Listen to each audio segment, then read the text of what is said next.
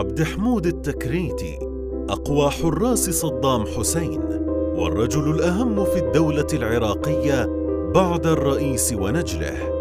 وصفه البعض بأنه الرجل الثالث في سلم الهرم العراقي خلال حكم صدام والبعض الآخر بأنه الرجل الثاني في الدولة. وضع كرقم أربعة في لائحة أمريكا للمطلوبين العراقيين بعد صدام حسين ونجليه واشتهر كأقوى حارس شخصي في العالم فمن عبد حمود؟ وهل باع صدام للأمريكان وبأي ثمن؟ مولد قائد اسمه الحقيقي عبد الحميد محمود التكريتي. ولد بقرية العوجة شمال مدينة تكريت العراقية لأسرة ريفية بسيطة. لم يحظى بنيل المناصب العليا من التعليم الجامعي والشهادات فاكتفى بالحصول على الشهادة الابتدائية. وعلى الرغم من ذلك ساعده علي حسن المجيد المعروف بعلي الكيماوي بسبب ادعاءات قتله آلاف الأكراد العراقيين بالغاز السام عام 1988 على التسلل داخل السلك القيادي بالدولة لوجود صلة قرابة بينه وبين الأخير لكنها وصفت بالبعيدة. وبالرغم من عدم خضوع عبد حمود لتدريبات عسكرية كان ارتقاؤه إلى منصب القائد العسكري أسرع ما يكون. وتوالت التسهيلات شيئا فشيئا وصعد اسمه إلى ناطحات المجد في وقت قياسي. فكان حصوله على الدكتوراه الفخرية أمرا هينا حدوثه. مناصب ونفوذ.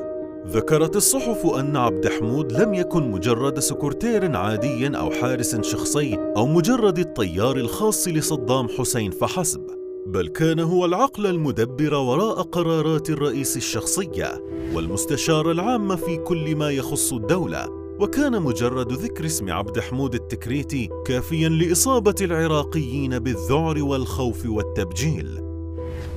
بدأ بالصعود إلى سلم السلطة مع دخول عام 1995 عند توليه قيادة بعض العمليات العسكرية بعدما فر حسين كامل رئيس المجمع الصناعي العسكري إلى الأردن. كما تولى أيضا إدارة جميع السجون في العراق وكان مسؤولا عن سجلات الضحايا السياسيين للنظام.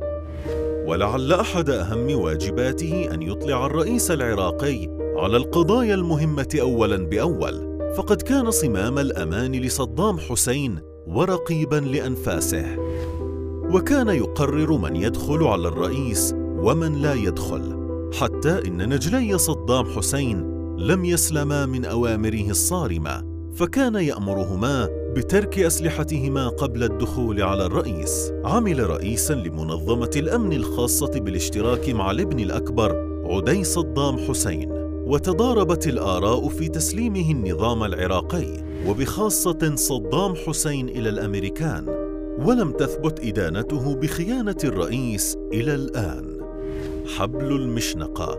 في السادس عشر من يونيو حزيران 2003 تمكنت القوات الأمريكية من اعتقاله وأصدرت المحكمة الجنائية العليا في السادس والعشرين من أكتوبر تشرين الأول 2010 حكما بالإعدام شنقا حتى الموت لتنتهي بذلك أسطورة أقوى حراس صدام حسين وأطولهم باعا وذراعا.